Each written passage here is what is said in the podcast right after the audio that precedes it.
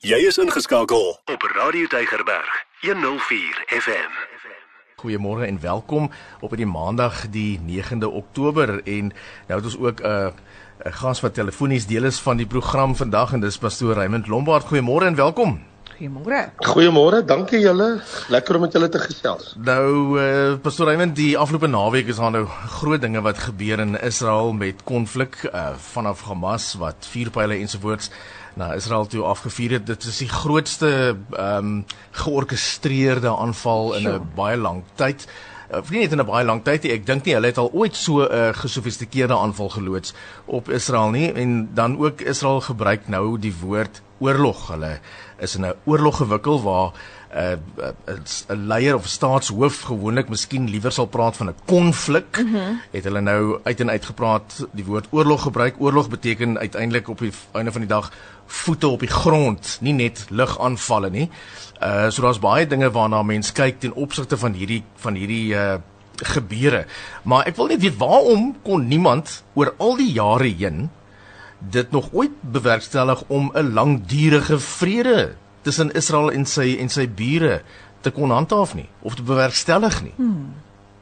Wel uh, Anton om daai vraag direk te antwoord, sou 'n mens dadelik wou gaan na Lukas 21 vers 24 waar Jesus sê dan sal hulle deur die swaard val, dit is nou Israel en na al die nasies en Jerusalem sal vertrap word totdat die tye van die nasies vervul is.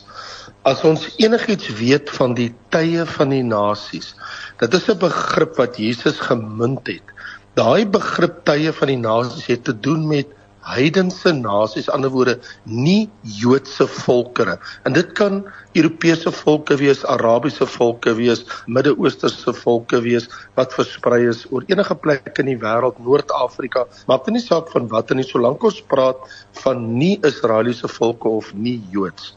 Nou die Bybel is duidelik dat die langdurige stryd waarna jy nou net verwys het, kan nie ophou en sal nie ophou tot en met die wederkoms van Jesus Christus.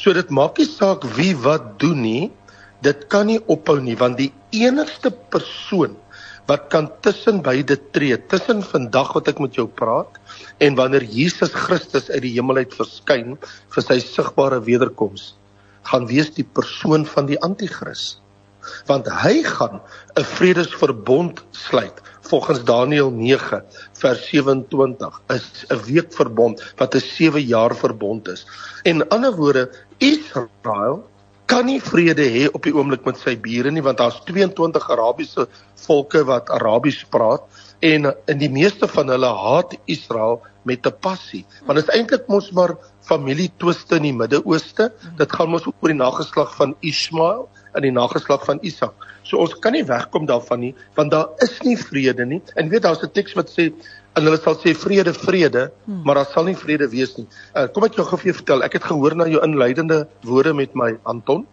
Ehm um, Israel was gevang met hulle broek op hulle knieë Saterdagoggend. Want onthou, Saterdag was die dag van die Torah. Mm. Ek weet nie of enigiets daarvan weet nie. Ja. Want vir Israel was dit mos die die 7 dae van Tabernakels mos verby. Na Yom Kippur het hulle mos die 7 dae, die 7 dae van Tabernakels en Vrydag aand het hulle oorbeweeg tot die son sak word dit mos by Israel 'n nuwe dag. So Saterdag is vir hulle die 8ste dag. En in die oggendure van die 8ste dag toe hulle rustig is, want vandag gaan ons sing en dans en met die Torah rondhardloop in die strate in Ou Jerusalem en ons gaan die Here loof en prys, want ek bedoel die ou ortodokse Israelies was almal gereed vir daai moment ja. en op daai oomblik toe kom die inval. Dis baie intens. Is hierdie aanval van Hamas op Israel meer noemenswaardig as al die ander vorige kere? So, as jy gaan kyk van 1948 af, ek bedoel die grootste oorlog wat hulle ooit in hulle lewe gehad het, was mos in die weke en maande van 1948 toe hulle nasionale staat geword het. Ehm um, dit was natuurlik ehm um, toe uh, Ben Gurion hulle as 'n staat verklaar het op 14 Mei 1948. Hulle het baie oorloë gehad en ek wil ek het al baie gaan kyk hoe lyk die tanks daar in die in die hooglande uh van die oorlog. Daar was die Yom Kippur oorlog, daar was die 6-dagse oorlog, daar was die 19 uh 61 62 oorlog, daar was die 1973 wat hierdie anders maak En dit is nogal baie interessant dat ek gehoor Anton gebruik dit ook of jy het gepraat oor die feit dat dit nou die eerste keer is wat daar so inval is van Hamas wat hierdie anderste maak vir die Israelies.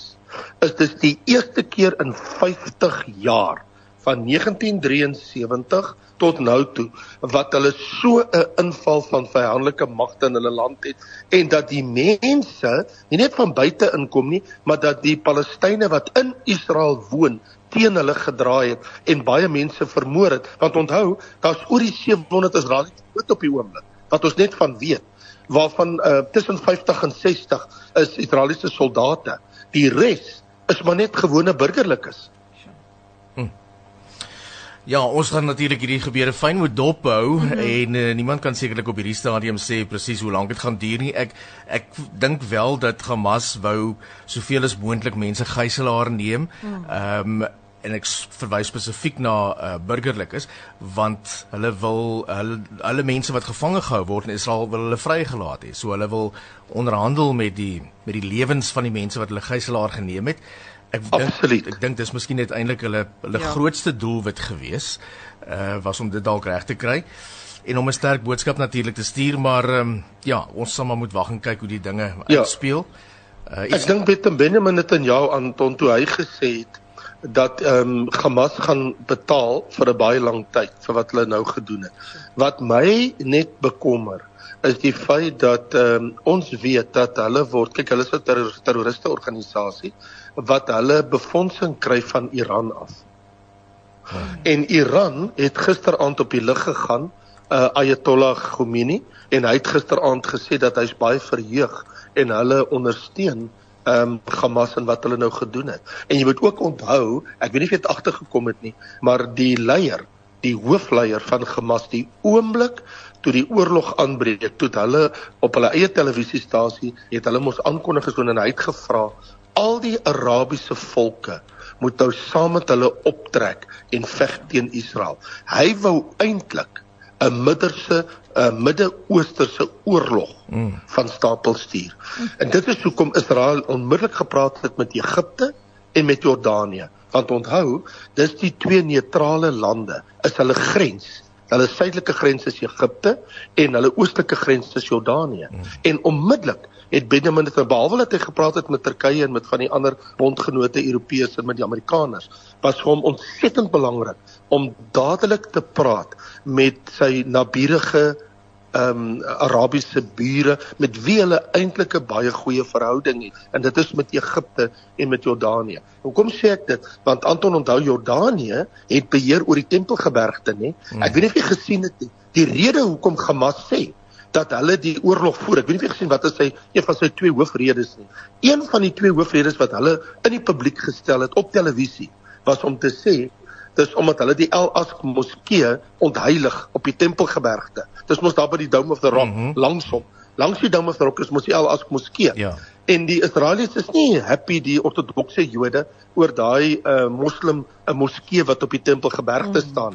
En so hy gebruik dit om te sê maar julle Israelies uh, ontheilig ons uh, heiligdom daar die Al-Aqsa moskee. Dis hoekom ons nou doen wat ons aan julle doen. Gebruik hulle nou as 'n as 'n verskoning. Die lang en die kort van alles is die land behoort aan Israel, die volk van Abraham, Isak en Jakob. God het dit nie vir die Palestynë gegee of vir die Arabiere of vir die Ismaeliete nie of vir die of vir Esau se nageslag nie. Hy het dit gegee vir die nageslag van Abraham, Isak en Jakob. Dis hulle land. Jerusalem is die stad van die lewende God en dit behoort aan die volk Israel.